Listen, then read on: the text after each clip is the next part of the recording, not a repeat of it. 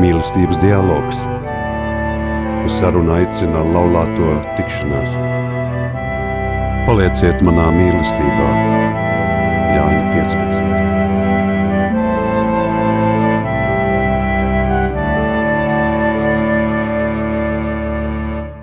Adopcija ir ļoti caursirdīgs veids, kā kļūt par māti un tēvu. Un visus tos, kuriem nevar būt bērnu, es iedrošinu, lai viņi paplašinātu un atvērtu savu laulāto mīlestību un pieņemtu tos, kuriem trūks savas ģimenes vides. Šādu augstsirdību un dāsnumu viņi nekad nenožēlos. Adopcija ir mīlestības apliecinājums, dāvino ģimeni cilvēkam, kuram savas ģimenes nav. Tā savā pamudinājumā mīlestības līksme raksta Pāvests Francisks. Labvakar, šis ir apvienības laulāto tikšanās raidījums mīlestības dialogs, un esam ar jums kopā mēs, Edgars un Sigita. Pagājušajā nedēļā jau astoto reizi tika atzīmēta bāriņu svētdiena, pievēršot uzmanību tam, ka mūsu sabiedrībā aug bērni, kuriem tik ļoti ir vajadzīga ģimene, un šī ģimene ir tikai viena gādīga pieaugušā attālumā.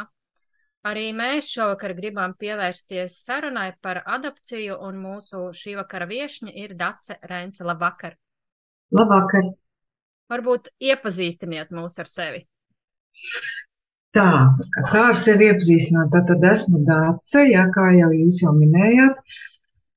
Mēs ar vīru bijām aizbildņi meitai, kurai šobrīd ir jau drīz būs 25 gadi, bet, kad ar viņu iepazināmies, viņai bija septiņi. Tā kā mums ir tāda personīga ģimenes pieredze, uzņemot pie sevis bērnu, kurš ir palicis bez vecāku aprūpes.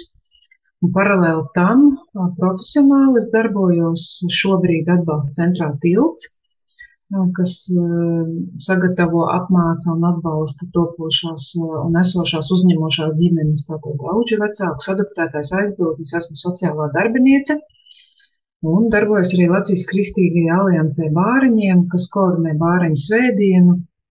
Uh, jā, Nu, tas tā īsumā varētu būt. Kāda varbūt ir šī brīža situācija Latvijā ar adopciju? Jo pirms dažiem gadiem bija tāds tā kā pacēlums, un daudzas ģimenes gribēja kļūt par viesģimenēm, par auģu ģimenēm, par adoptētājiem. Un tad tā interese tā lēnām nokritusies, vai joprojām ir tā, tāda liela interese no cilvēku puses? Jā, nu mēs atbalsta centrā tilts jūtam diezgan lielu interesi. Mēs regulāri tātad eh, veicam apmācības, kas ir obligātas topošajām uzņemošajām ģimenēm, un mums visu laiku grupas ir pilnas. Tā kā, ja mēs spriež, spriestu no atbalsta centra tāda redzes punktu un pieredzes, tad pieprasījums ir diezgan liels. Ģimenes un atsevišķi personas vēlās kļūt gan par auģu ģimenēm, gan, gan adoptēt bērnus vēlās. Uh, Un tā statistika, ja mēs par, par datiem runājam, tad tas skaits vidēji turās ap simts, nedaudz virs simts, kā pēdējos, es nezinu, gadus jau piecus vai cik, ja. Tātad ārvalstu adopcija, sākot ar šo gadu, ir aizliegta, nu, uz tām valstīm, uz kurām lielākoties tika adoptēti mūsu bērni, tā, tā bija Amerika, Kādreiz tā arī bija Itālija un Francija, tad šobrīd galvenokārt bērni tiek adoptēti Latvijā. Jā, nu, tad, kā jau es minēju, tas pagājušo gadu laikam tie bija 128 bērni. Mhm. Kas ir jāņem vērā, ja ģimene vēlas adaptēt bērnu? Jūs teicāt, ir apmācība, ir vēl kaut kādas lietas, nu, vai viegli kļūt par adaptētāju? Jā, nu, manuprāt, tad, tad, tur ir jābūt ļoti lielai apņēmībai, un uh, tas process, gluži tāpat kā grūtniecība, aizņem aptuveni deviņus mēnešus, nu, gadu varbūt pat adaptētājiem un tiem, kas iet uz statusu, un tas ir tāds labs pārdomu laiks patiesībā, lai to savu motivāciju izkristalizētu, pārbaudītu un uh, arī sagatavotos, jā, jo um, tas process vai tas lēmums un solis ir ļoti atbildīgs, es gribētu teikt. Un, jā, man bija ļoti jādomā par to citātu, kas tika lasīts pāvesta sākumā. Viņš tā, protams, ļoti skaisti un emocionāli un tāds, tāds sirsnīgs uzsaukums ar pareizu mērķi Bet es uzreiz tā pie sevis pieķēru, iedomājos, nē, nē, visiem tas nav jādara. Galīgi visiem nav jādara, visi tam nav gatavi. Tur tāds profesionāls manī ieslēdzās. Protams, es saprotu no kristīgā skatu punkta un viedokļa, Dievs ir aicinājis mums rūpēties par bērniem un atraitnēm. Bet vai visiem ir tieši jāadoptē, to gan es tā nedomāju. Jā, un šis process, status iegūšanai, manuprāt, viņš ir arī labs lai sevi tā kā dziļāk sevi ieskatītos, savu motivāciju pārbaudītu. Tas ietver gan dokumentu formēšanu, gan sadarbību ar bāriņu tiesu ļoti cieši, tad ir atbalsta centru, apmācības ir obligātas. Pēdējos pāris gadus jau es uzskatu, ka tas ir brīnišķīgs lēmums un solis no valsts puses, kad kad ir obligāti jāaiziet eh, diezgan tāds padziļināts kurs, lai, lai apgūtu konkrētas kompetences. Tad ir pārunas arī ar psihologu, ar atbalsta centra darbinieku. Jā, nu tādi vairāki cieti, kuriem jāaiziet cauri, varbūt jāizsijājas. Kas tajās apmācībās tiek mācīts tām ģimenēm, ja tas nav noslēpums? Kādas lietas? Nu, valsts ir vienojusies, ka ir konkrēti nu, speciāls, man, manuprāt, kas labklājības ministrija ar valsts bērnu tiesību aizsardzības inspekciju vai kuras tās atbildīgās institūcijas par konkrētām kompetencēm. Tas tāds gudrs vārds varbūt nu, tādām zināšanām, prasmēm, kurām ir jāpiemīt um, uzņemošajām ģimenēm, kas viņām ir jāsaprot par bērnu, kurus, kuru viņi plāno uzņemt, kā viņiem ir um, nu, cik informētiem viņiem ir jābūt par dažādiem jautājumiem. Nu, tas sev ietver izpratni, izpratni par traumu, ja, jo nav jau noslēpums, ka šie bērniņi, viņi daudz ko pārdzīvojuši, ļoti daudz ko, un tas ir atstājis ietekmi gan uz bērnu attīstību, uz uzvedību, uz to, kā viņi redz sevi un apkārtējos, un, Un tad ir tā, ka ar to mīlestību un to labo motivāciju vienā brīdī paliek par maz, un viņa lai, vai cik varbūt tas tā skarbi neizklausītos, viņa kaut kur apsīkst vai, vai beidzās vienā brīdī, kad tie dzīves grūtumi nāk virsū, ja, un ja nav tās skaidrās izpratnes un zināšanas, tad ātri var pie tādas krīzes nonākt, un, un tad arī ir tie gadījumi, kad ģimene neiztur, un, un arī atsakās no bērna. Tādēļ nu, tās kompetences ietver izpratni par bērnu pagātni, ko darīt ar bērna bioloģiskajiem vecākiem un viņu tādu iepriekšējo teiksim, dzīvu līdz adopcijai, kā to integrēt savā ģimenē, kā runāt ar bērnu par to, kā tikt galā ar bērnu uzvedību, nelabvēlīgu, varbūt tādu grūti kontrolējumu ar emocijām kā vispār sistēma strādā, kāda loma ir katram spēlētājam, tur bāriņtiesai atbalsta centram. Nu, diezgan tād, tādas konkrētas lietas, kuras šīm ģimenēm ir jāzina, un to mēs detalizēti skaidrojam. Manuprāt, ļoti interaktīvi, ļoti saistošā tādā formātā nav tāda sausa runāšana, un tur mēs iesaistam gan diskusijās, gan skatāmies video un tādas praktiskas darbus darām. Lielākoties atsauksmes vienmēr ir ļoti tādas um, emocionāls un, gribētu teikt, pozitīvas. Es ticu, ka katrs kaut kādā mērā ir ieguvējis pēc tiem kursiem arī. Pat ja izlemj, ka šis nav priekš mums, priekš manis, pat tad. At, nu, šādi strādājot, diezgan saprotu, regulāri. Ir kaut kādi tādi regulāri mīti, kas piemīt cilvēkiem. Nu, piemēram, ko es iedomājos, kad, nu, piemēram, adaptētiem bērniem slikti gēni vai, vai kaut kas nu, nu, tāds līdzīgs, ka, kad es nezinu, jābūt kaut kam, lai mēs būtu veiksmīgi adaptētāji vai, vai auģu ģimene, kaut kas tāds ir izkristalizējies pēc pieredzes. Par tiem gēniem, manuprāt, tagad mazāk jau runā. Kādreiz tas bija viens no izplatītākajiem gēniem, jā, kad, kad nu, tur jau ko tu tur var izdarīt, ka tā ģimene un tā iedzimtība spēlē milzīgu lomu. Tad patiesībā tagad speciālisti un pētnieki ir atklājuši un apgalvo, ka lielāka ietekme ir videi, kurā bērns aug ģimenei un jā, jaunajiem paradumiem un jaunajām, jaunajām attiecībām, tai pieredzē, kuru viņš gūst ne tik ļoti, cik gēniem. Bet, ja mēs runājam par adaptētāju un auģu ģimeņu tādiem gaidām, es gribētu teikt, ar kādām viņi sanāk, tad nāk uz apmācībām, tad nu, gribētos izcelt tādu klasiskāko, kad nu, es jau savus Pieņemsim, ja ir savi bērni, nu, tas ir tāpat kā savus bērnus uzaudzināt, un, un es jau tos izdarīju, un, un, un kāpēc es nevarētu vēl vienu bērniņu izaudzināt, ka, protams, daļa taisnības ir, bet jāsaprot, ka šie bērni ir pavisam citādi un citādākie, un viņiem ir nepieciešama gan citādāka aprūpe, jāiedzīst citādāks tāds zināšanu krājums un pieredze.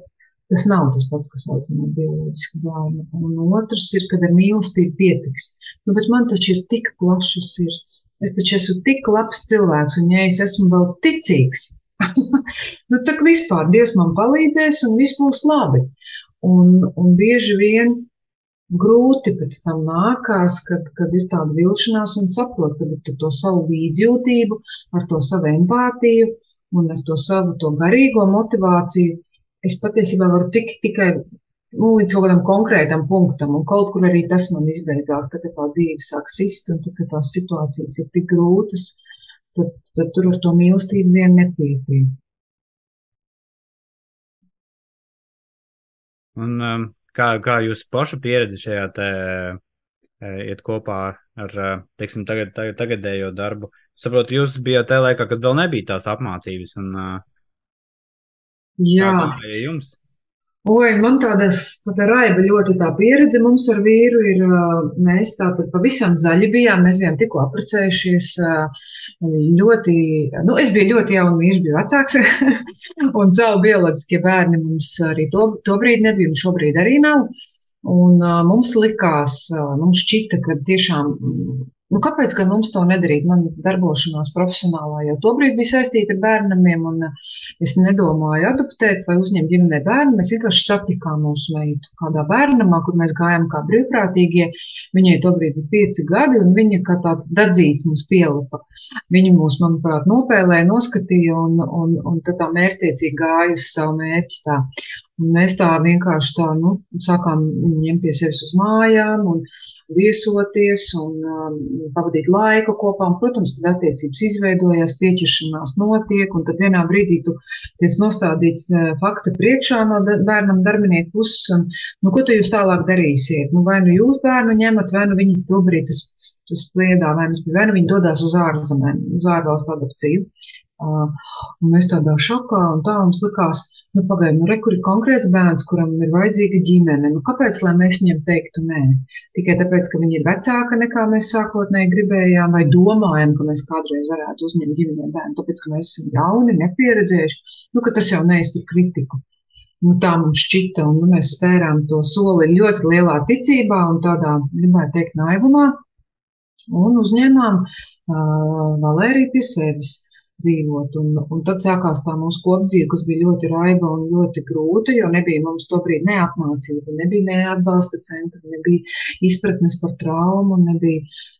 Es gribētu teikt, tādu pieredzējušu, kompetentu speciālistu, kas zinātu, kā, kā mums palīdzēt, un mēs tā sitāmies kā plika panāt, panātrēm, kā es saku, ja tiešām, nu, pēc savas kaut kādas izpratnes un, un daudz kļūdas eh, izdarījām. Uh, Nu, lūk, un tad eh, šobrīd, skatoties uz to, jā, tagad, kad eh, es vadu apmācības arī topošajām ģimenēm, man ir tāda, nu, tāda, tāda pozitīva, gribētu teikt, no tādu skaudību, vai man liekas, cik jums ir paveicies, kā jūs, cik jūs varat būt laimīgi, ka jūs zinat, ka jums ir šī informācija pieejama, jums ir tik daudz rīki un, uh, ka, ka būs citādāk nekā tad, kad tu ej pavisam bez izpratnes un zināšanām. Tā kā man ir prieks, ka šobrīd eh, šādi pakalpojumi ir ģimenēm, ka viņi ir daudz labāk sagatavoti, ka viņi ir daudz uh, vairāk atbalstīti un ar lielāku izpratni.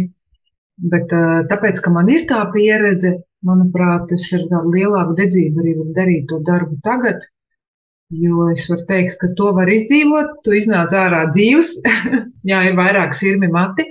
Laulība brīžiem ir uz izjukšanas robežas, bet, ja ir dievs un, un ir ticība un ir tagad zināšanas un viss, tad, tad, tad, nu, tad ir cerība.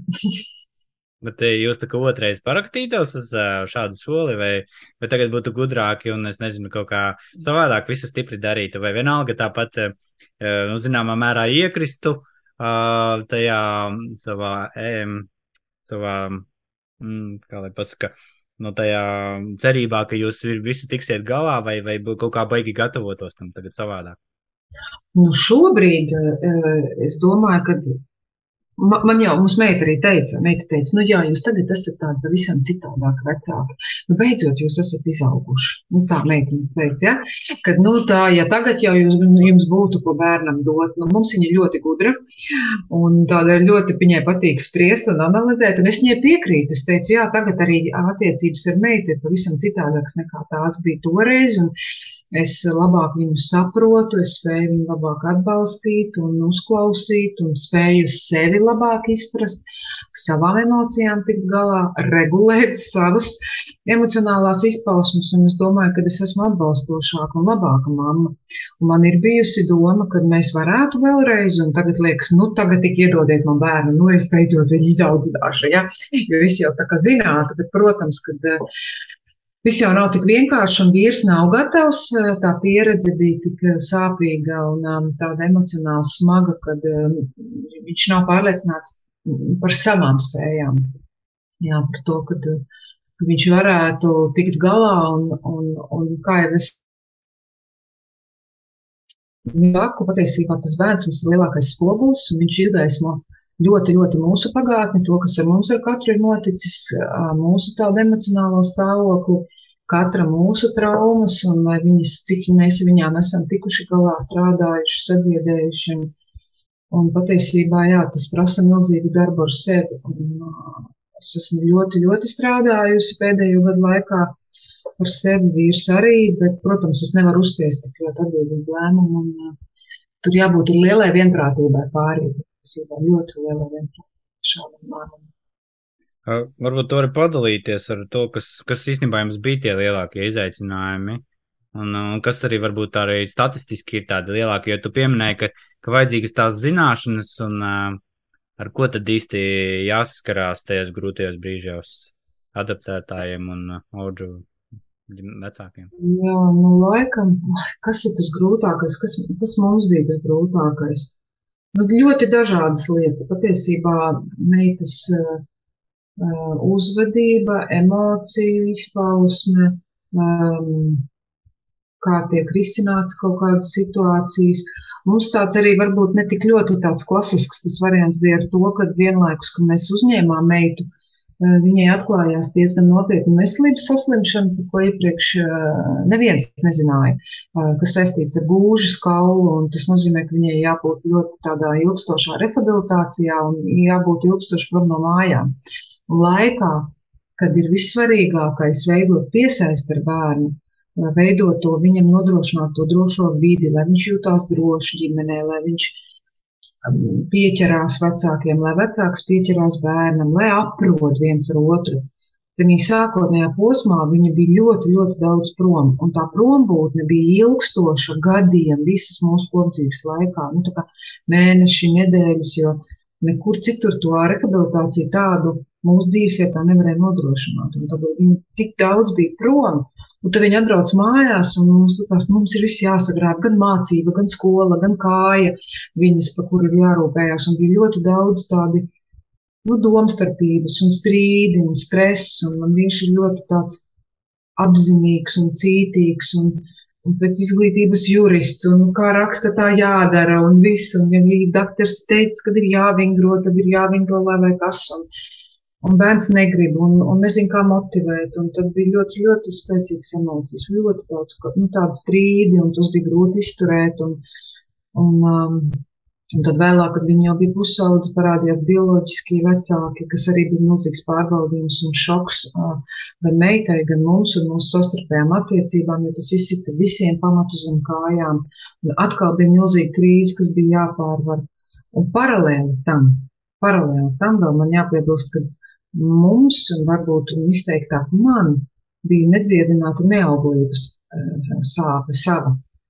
Un es paralēli visu laiku cerēju, ka nu, Dievs taču dos mums savu bērnu, Dievs dos mums savu bērnu.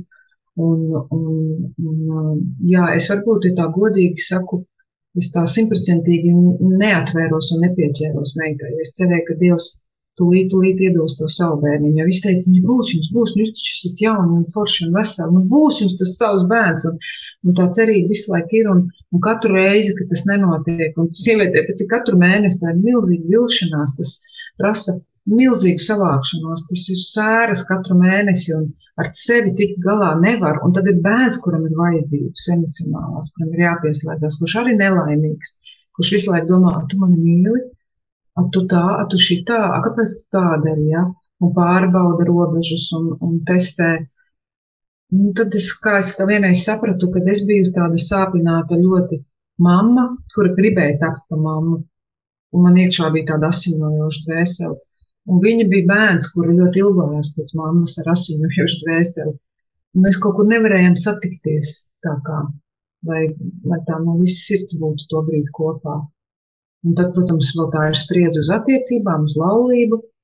Ja katram pārī atšķirās audzināšanas metodas un izpratne par audzināšanu, katrs mēs nākam no savas ģimenes, mums ir sava pieredze, viens varbūt ir stingrāk audzināts, otrs ir visatļautību piedzīvojis, Un tagad ir jāvienojas, kā tas savs bērns jāaudzina. Un tad bija tādi brīži, kad uh, mājai jumts tika nu, rauts nost no konfliktiem un no pārbaudījumiem, un likās, ka vietā mēs nespējam vairāk dzīvot kopā, kad, kad vai nu man ir jāšķirās no vīra un jāpaliek ar bērnu, vai nu mums ir jāatsakās no bērna un es palieku savā laulībā, jo kā mēs trīs dzīvosim kopā, es nezinu. Nu, ļoti tumši brīži. Kā jūs atradāt to risinājumu? Tā kā palikt kopā, es saprotu, jūs palikāt kopā visi trīs. Jā, mēs palikām kopā, kaut kā mēs uh, izdzīvojām. Um, jā, brīžiem mazāk runājot, starpā brīžiem vairāk un raudot. Un, un, un, jā, ļoti grūts tas laiks bija emocionāli, ļoti grūts. Es pat tagad atskatos, es tādu, tādu tādas lielas sāpes un patiesībā pat brīžiem tādu bezcerību un tumsu to redzu, bet, bet mēs izdzīvojām, paldies Dievam, viņš bija uzticams un labs, kaut kā mēs tam cauri izgājām. Bija periodi, ka likās, mēs esam izgāzušies kā vecāki, un kad um, mēs tiešām esam kļūdījušies, un Valērija būtu bijis labāk citur, un citi būtu labāki vecāki, saprotošāki, mīlošāki, pieņemošāki. Bet tā labā ziņa ir tāda, ka tam bērnam tas vecāks ir vajadzīgs arī pēc 18 gadiem. Un, ja tur ap tiem pusauģu gadiem mums bija tāds pārāvums attiecībās, bija pat laiks, kad meita aizgāja pēc, pēc pilngadības uzreiz dzīvot citur pie draudzenes, un viņa arī pie bioloģiskās mammas brauca dzīvot ārpus Latvijas un visur, ka viņai gribējās saprast, kur tad ir tā viņas īstā piedarība, un, un mēs nesazinājāmies ilgi. Bet tagad jau pēdējo gadu laikā Nu, daudz kas ir sastājies pa vietām, mēs esam attiecības atjaunojuši. Es ticu, ka tur arī dziedināšana ir notikusi. Un, un es mācos vēl joprojām būt par mammu tādu, kā viņai ir jābūt. Un, un kā Valērija saka, jā, nu tagad jau tu jūs esat gudrāki un zinošāki. Un, un tā arī ir, jo tās apmācības, kuras mēs ā, mācam šobrīd adoptētājiem un aušģimenēm, un kuras es pirmo reizi, man liekas, pirms pieciem vai sešiem gadiem pati dzirdēju, tās ir nu, dzīve mainījušas. Es vienmēr kā jokoties saku, divas lietas ir mainījušas man dzīvi. Pirmkārt, Kristus un otrkārt, Kedba, kas ir kompetenta emocionāla traumē bērnu aprūpas šīs apmācības, jo tas maina izpratni ne tikai par šiem bērniem, bet par vispār par attiecību veidošanu, par sevi, par otru, par vajadzībām. Tā kā, jā, tas ir tāds stabils spieķis, uz kuru es šobrīd ļoti atbalstos šim incidentiem. Bet eh, šo problēmu, principā, ko tu aprakstīji tieši jūsu gadījumā, viņas kaut kādā mērā arī tomēr ir eh, vispārīgas arī citiem pāriem. Pēc tādiem novērojumiem. Nu, ne visi, jā, ne es vienkārši paklausīju to, ka, kad, lai kā jūs plānojat, tad nekas nenotiks pēc plāna, un lai cik, jūs, cik jums labi tagad būtu, jums būs grūtības. Tās divas lietas tavā stāstītajā saklausīt? Nu, Ziniet, kā ne visiem ir tik, tik lieli satricinājumi kā mums, vismaz pagaidām. Es tā domāju par saviem kolēģiem, kuriem arī ir adoptēti bērni šobrīd. Un, labi, viņi ir mazāki, mums Valērijai būs 25, tad maniem kolēģiem bērni ir tur pirmskola, pamatskoliņa, ja kādam vidusskola.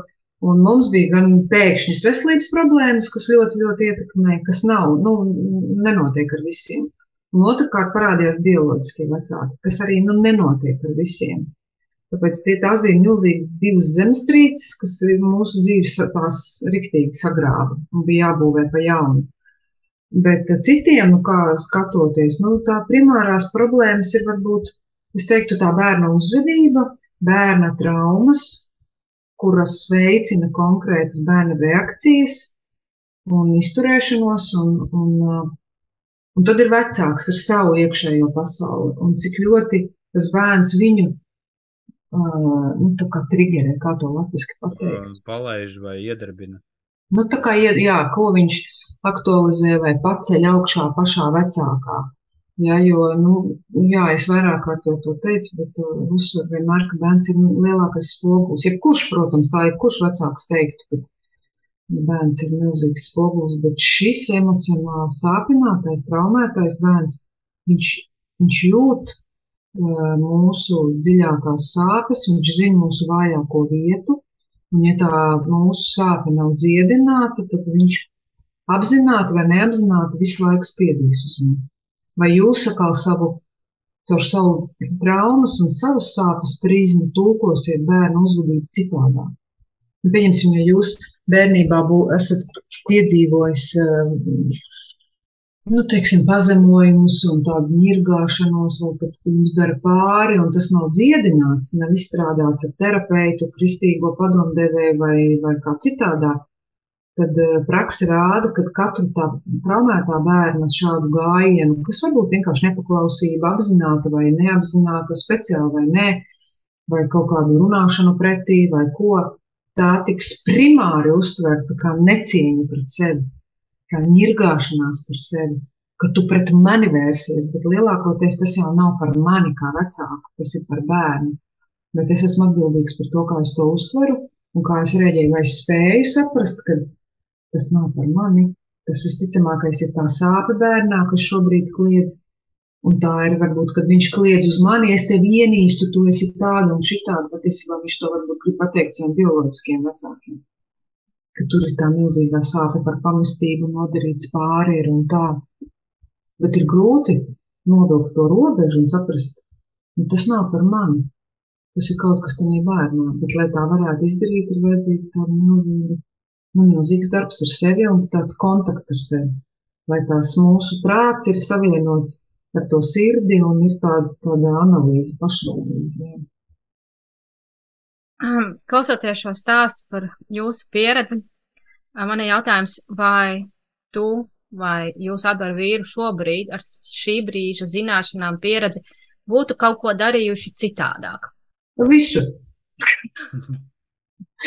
Visu mēs nelaistu meitu uz, krimuldu, mēs atrastu veidu, kā nodrošināt viņai rehabilitāciju mājās, vienalga kā mēs vienkārši veltītu apzināti mērķiecīgu laiku saiknes veidošanai, mēs strādātu ar sevi, iesaistītu terapeitu jau bāra un katram savu būtu apzinātākie. Es noteikti nereaģētu tā, kā es nu, censtos nereaģēt tik pārspīlēti uz katru mazāko lietu. Mēs kursos mācām, kad ir jāizvēlās, jāsaprot tie savi reaģēšanas līmeņi uz bērnu uzvedību. Ja? Kad eh, citreiz vienkārši pietiek ar tādu rotaļīgu reaģēšanu, kad bērns kaut kā ne tā rīkojās, nevajag uzreiz uzmest atombumbu un ņemt smagāko artilēriju un bliest par to viņu uzvedību. Bet varbūt, ka to var atrisināt sākumā rotaļīgi, pēc tam varbūt nedaudz tā strukturizētāk, nu, ja nekas nepalīdz, tad ķerties pie tiem nopietniem mēriem, bet mēs ļoti pārreaģējām. Mēs ļoti, ļoti centāmies uzreiz,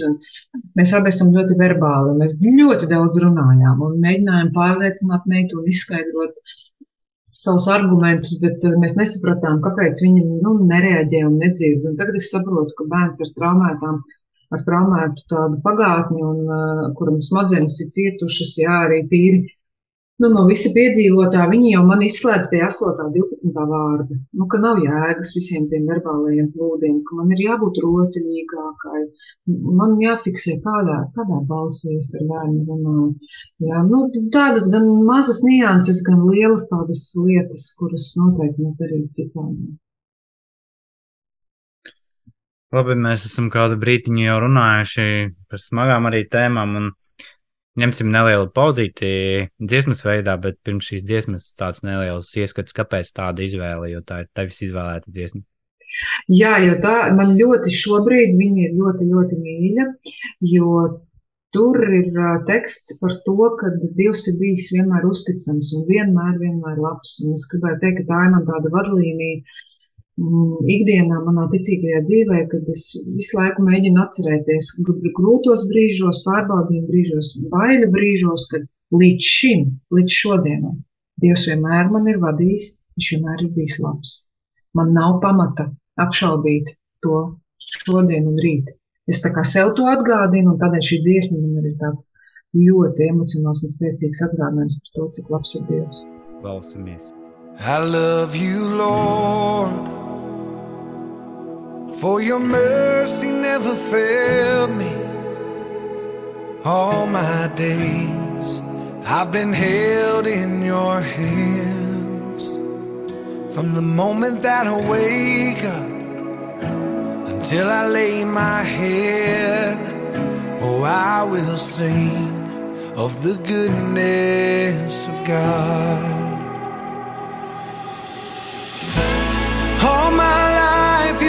Have been faithful. And all my life you have been so, so good. With every breath that I am able, I will sing of the goodness of God. I love your voice. You have led me through the fire in darkest nights. You are close like no other. I've known you as a father, I've known you as a friend, and I have lived in the goodness of God.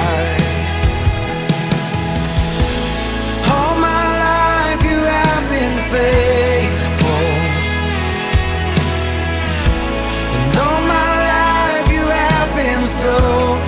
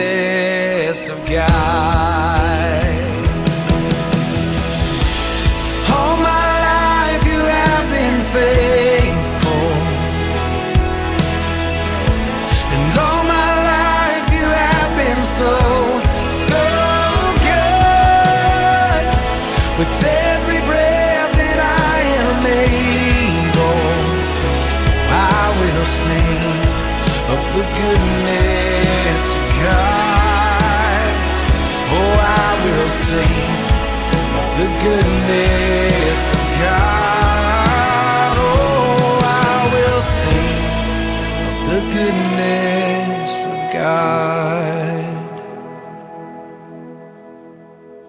Šis joprojām ir apvienības laulāto tikšanās redzījums, mīlestības dialogs, un šovakar ar jums kopā esam mēs, Edgars un Sigita, un arī Dace, un mēs turpinam sarunāties par eh, bērnu adoptīvu. Ā, Tā kā mūsu raidījums skan uh, saucas mīlestības dialogs, un tas ir kā laulātiem pāriem domāts. tad man tāds jautājums būs, ko jūs viens par otru ar vīru jaunu uzzinājāt šajā savā pieredzes ceļā ejot? Vai bija kaut kas?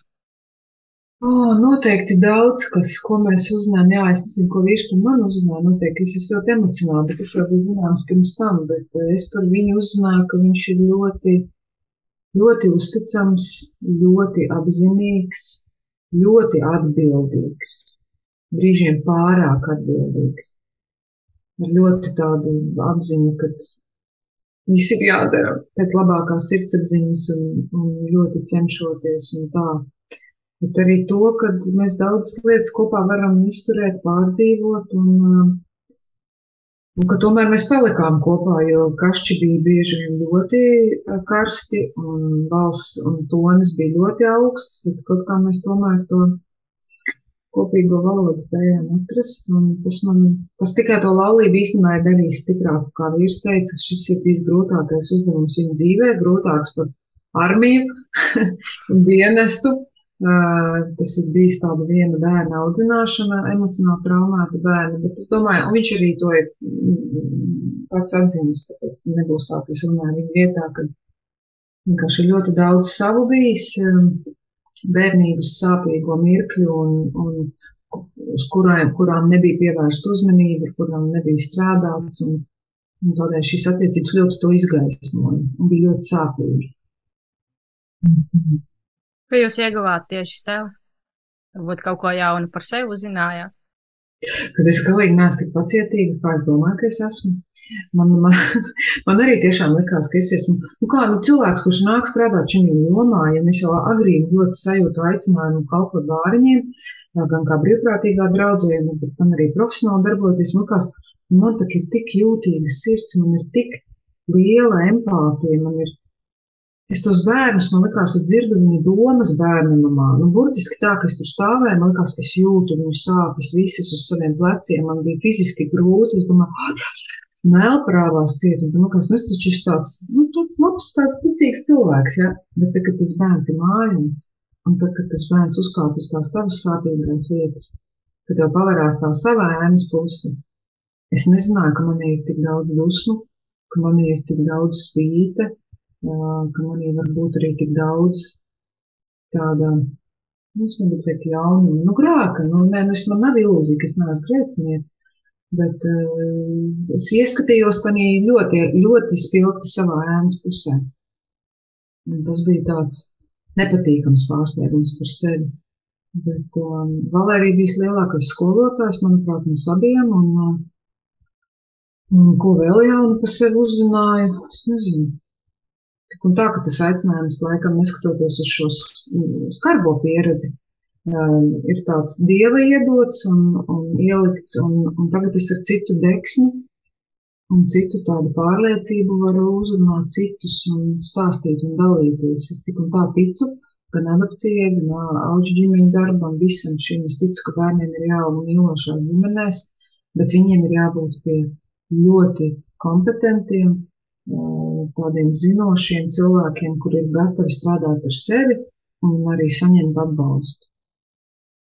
Mēs tagad būsim sabiedrējuši visus cilvēkus, kas varbūt bija aizdomājušies, ka viņi varētu kļūt par uh, adoptētājiem. Ko jūs ieteiktu ņemt vērā šīm ģimenēm, vai kā jūs viņas iedrošinātu vai neiedrošinātu?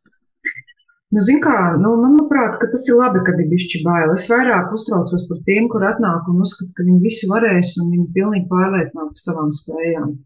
Uh, jo, nu, ne, nu, forši, ja viss ir gludi un labi, bet, bet pieredze rāda, ka lielai daļai nav.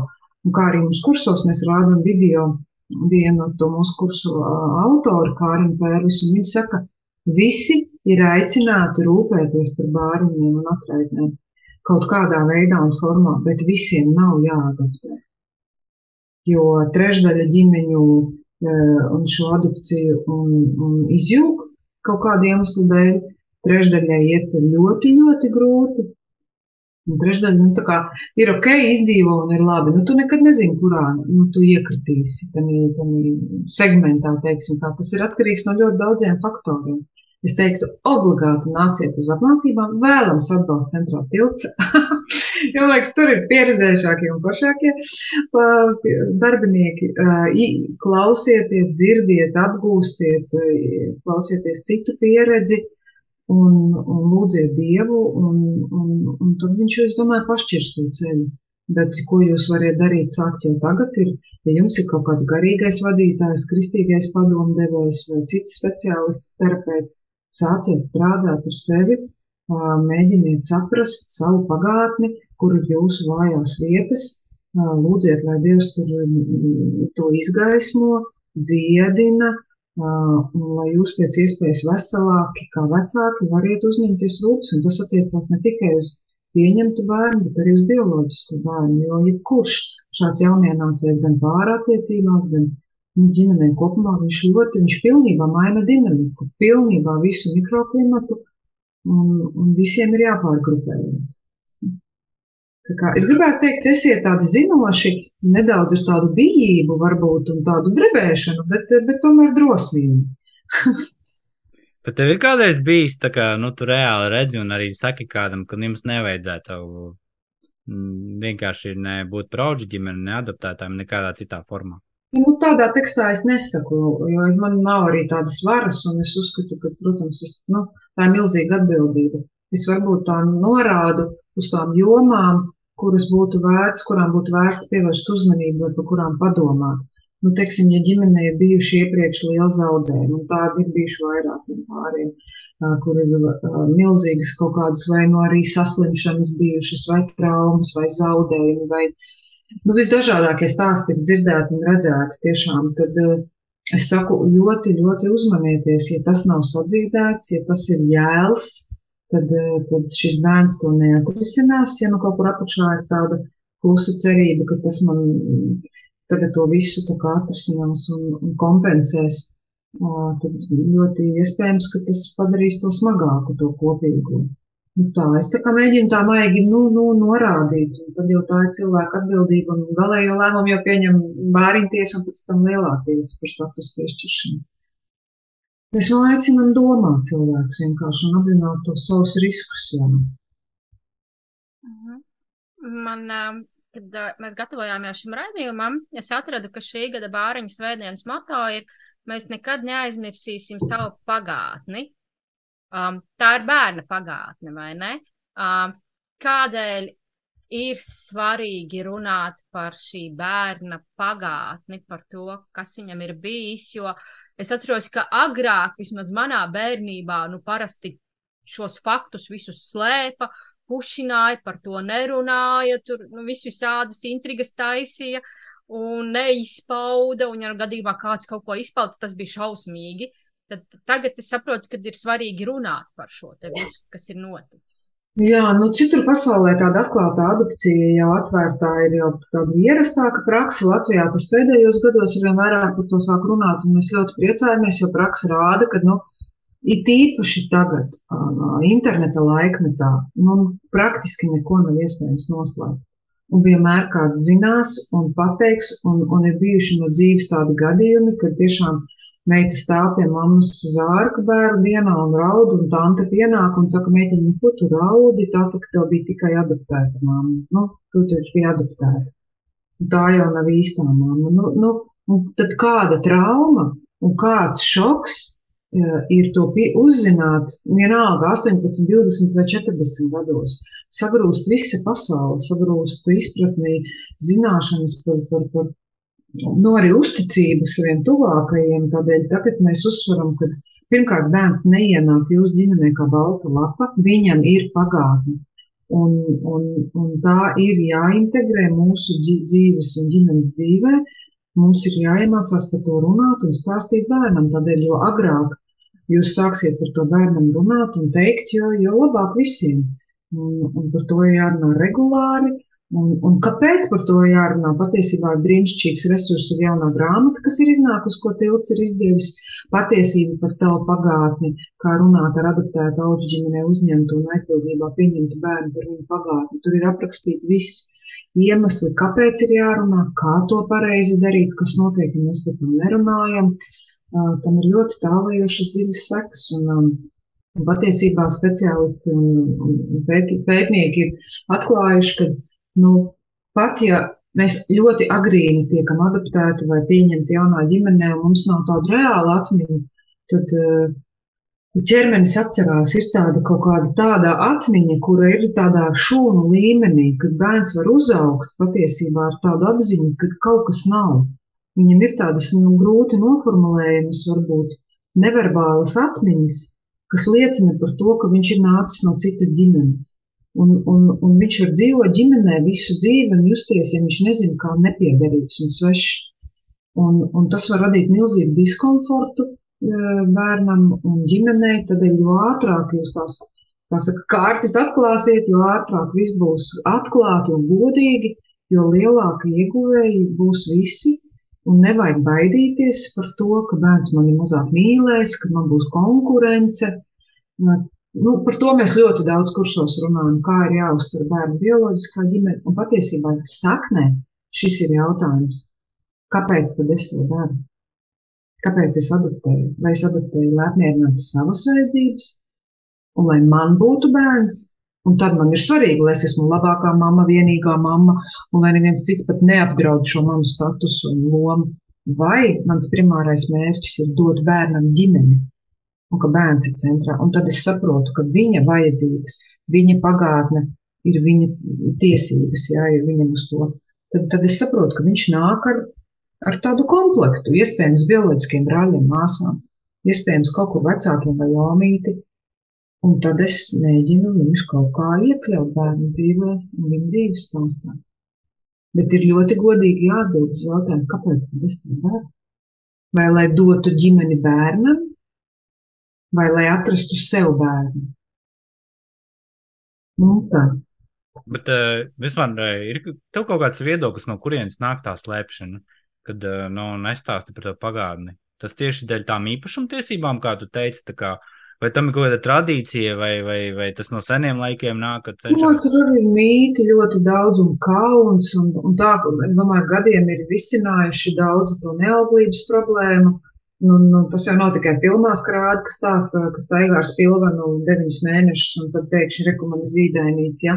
Tāpēc, kad ir kauns bijis par daudzām lietām, par to, ka man nevar būt bērni, un tad es gribu atrisināt to un parādīt citiem, ka es esmu normāls, jo arī neauglība ir liela tabū tēma, vai kur es lasīju vai dzirdēju, kad arī, nu, um, daudzi bijuši ārlaulības bērni, un lai viņus slēptu un nenāktu gaismā, tad ir viņi nodoti tur adopcijai un vai, vai adoptēti, jā, nu, kaut, kaut ko, lai risinātu kaut kādas tādas lietas, kuras ir gribējies paturēt tumsā.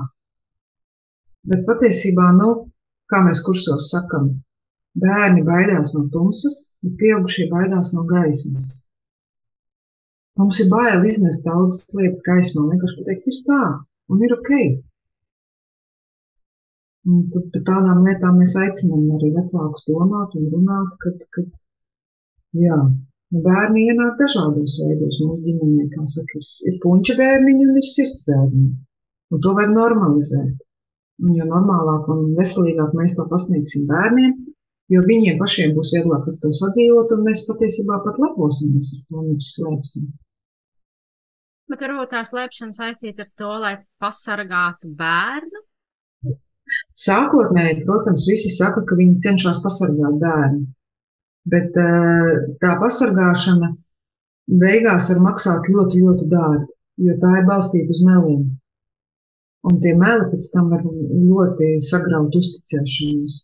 Tas, kas sākotnēji bijis ar mērķi pasargāt, beigās var izvērsties par milzīgu aizu vecāku un bērnu starpā un par lielu tādu nu, domstarpību, nepiedošanas tādu avotu. Ja? Tu taču esi slēpis, tu man neteici taisnību. Jā, bet es gribēju tev pasargāt. Nu, tā. Pieredze rāda, ka tas eh, ne, ne, nebeidzās tā labi un reti, kurš ar to tā pēc tam var tā viegli sadzīvot vai pieņemt. Tīpaši, ja šī patiesība nāk gaismā bērnam pusauģu vecumā, kad viņa personība formējās, kad viņš ir vispār lielā pārmaiņu sevis meklēšanas tādā posmā, tad tas var būt ļoti traumējoši. Un, lai par to labāk runātu, vieglāk, ir iznākusi vēl viena brīnišķīga grāmatiņa - Austra mākoņi laikam, kā tur bija, un mazais putniņš. To ir izdevusi Sosu bērnu ciemati, Un tā ir tāds stāsta veidā, ar skaistām ilustrācijām, kā auģu vecāks vai adoptētājs var pasakas veidā bērniņam pastāstīt, no kurienes viņš nācis un kā viņš šī ģimenē ir iekļuvis. Tā kā tās divas grāmatas visiem iesaku no visas sirds patiesība par tavu pagātni, un šī grāmatiņa Austra mākoņa un mazais putniņš, laikam tā bija, jā. Lieliski resursi, ja nu liekas, ka es nezinu, kā runāt, un, un kā tad es to bērnam pastāstīšu, un tā. Pārbaudīšu to nosaukumu. Tu tagad diezgan daudz runā par, par, štā, par šo te apmācību un, un tādām lietām. Varbūt mēs jau tuvojamies beigām un varētu nedaudz tā kā pareklamēt. Varbūt ir vēl kaut kas, ko jūs tiltā darat bez šīs apmācības, kādi, nu, lai iedrošinātu potenciāli cilvēkus, kas varētu būt adaptētāji vai, vai auģu ģimenes, ko jūs vēl viņiem varat palīdzēt?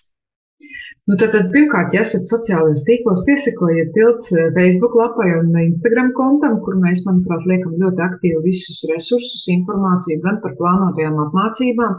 Mēs piedāvājam apmācības gan uzņemošajām ģimenēm, bet tur eh, patiesībā piest, var pieteikties arī praktiski kurš vecāks kurš grib pats priekš sevis iziet šo kursu, jo, jo visi to saka, kas ir izgājuši, ka šī būtu jāzina katram, katram skolotājam, ārstam, katram vecākam. Tas, šīs apmācības nav domātas tikai uzņemošiem ģimenēm. Ja jūs neiet uz statusu, kā mēs sakam, jūs varat pieteikties ar nelielu līdzmaksājumu un iziet šo kursu priekš sevis milzīgs ieguvums katram personīgi, pārim, vecākiem, ja ģimenei. Kurs gandrīz katru mēnesi mums notiek. Tagad novembrī sākās grupa, kas ir pilna, tagad komplektējās grupa janvārī. Decembrī nebūs. Tad ir mums dažādi tematiskie zūmu semināri arī, ko mēs ik pa laikam piedāvājam atvērti par dažādām tēmām. Nu, jā, izdodam gan grāmatas, gan mums ir um, tāds podkāsts, kur runājam ar ģimenēm, ko arī var paskatīties sirds sarunas. Manuprāt, mēs tādi ļoti aktīvi esam. Bet, uh, es saprotu, ka, uh, uh, piemēram, ja tur runāja par šīm problēmām, kas ir pēc tam, kad ir šis bērns nonācis ģimenē, tad jūs arī kaut kādā veidā palīdzat?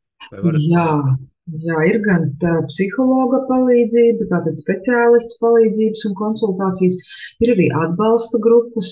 Katru mēnesi ir iespēja ģimenēm būt atbalsta grupā un runāt ar līdzīgi domājošiem, padalīties ar savu sāpi, paprasīt padomu. Reizi gadā rīkojam arī tādas terapeitiskās nometnes, kur vecāki ar bērniem atbrauc un viņiem ir iespēja mācīties un apgūt dažādas praktiskas iemaņas un no speciālistiem vērtīgas tādas metodas, kā ar bērniem veiksmīgāk nu, sadarboties, strādāt un rotaļāties un tā.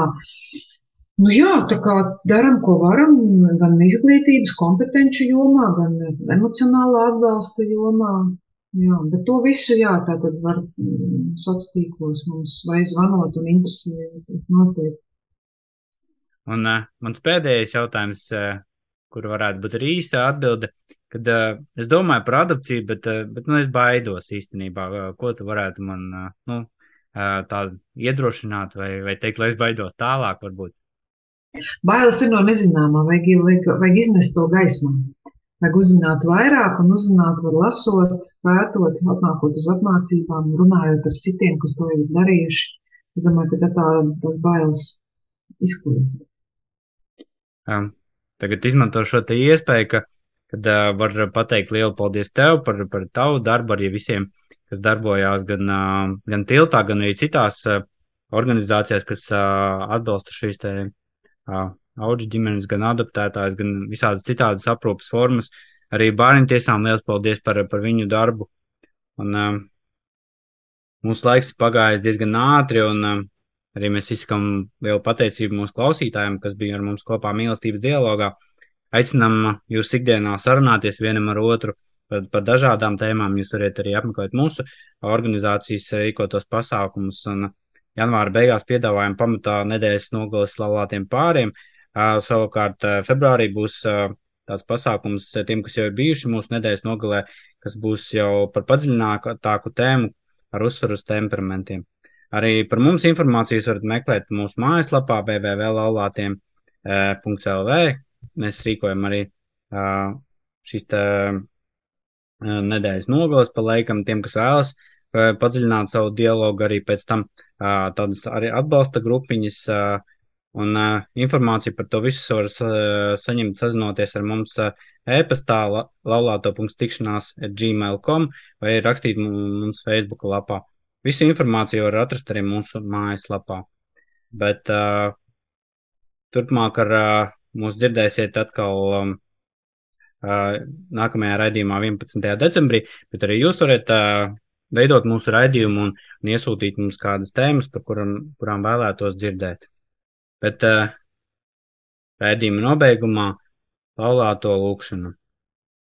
Kungs Jēzu, es lūdzu Tev dialogu dāvanu mūsu laulībai, palīdz man vēl labāk ieklausīties manā sievā, palīdz mums apusēji labāk iepazīt vienam otru, dalīties vienam ar otru, piedot viens otram, dod mums delikātumu un maigumu mūsu sarunās un dari, lai tās vestu pie patiesas tikšanās vienam ar otru un abiem kopā ar tevi. Palīdzi mums aizvien labāk pieņemt vienam otru, radīt vienotībā, kuram varam, varam palikt tādi, kādi esam.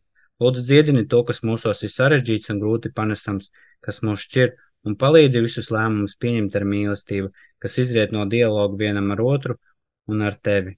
Palīdzi mums priecāties par mūsu laulību un vienmēr palikt tavā mīlestībā. Āmen!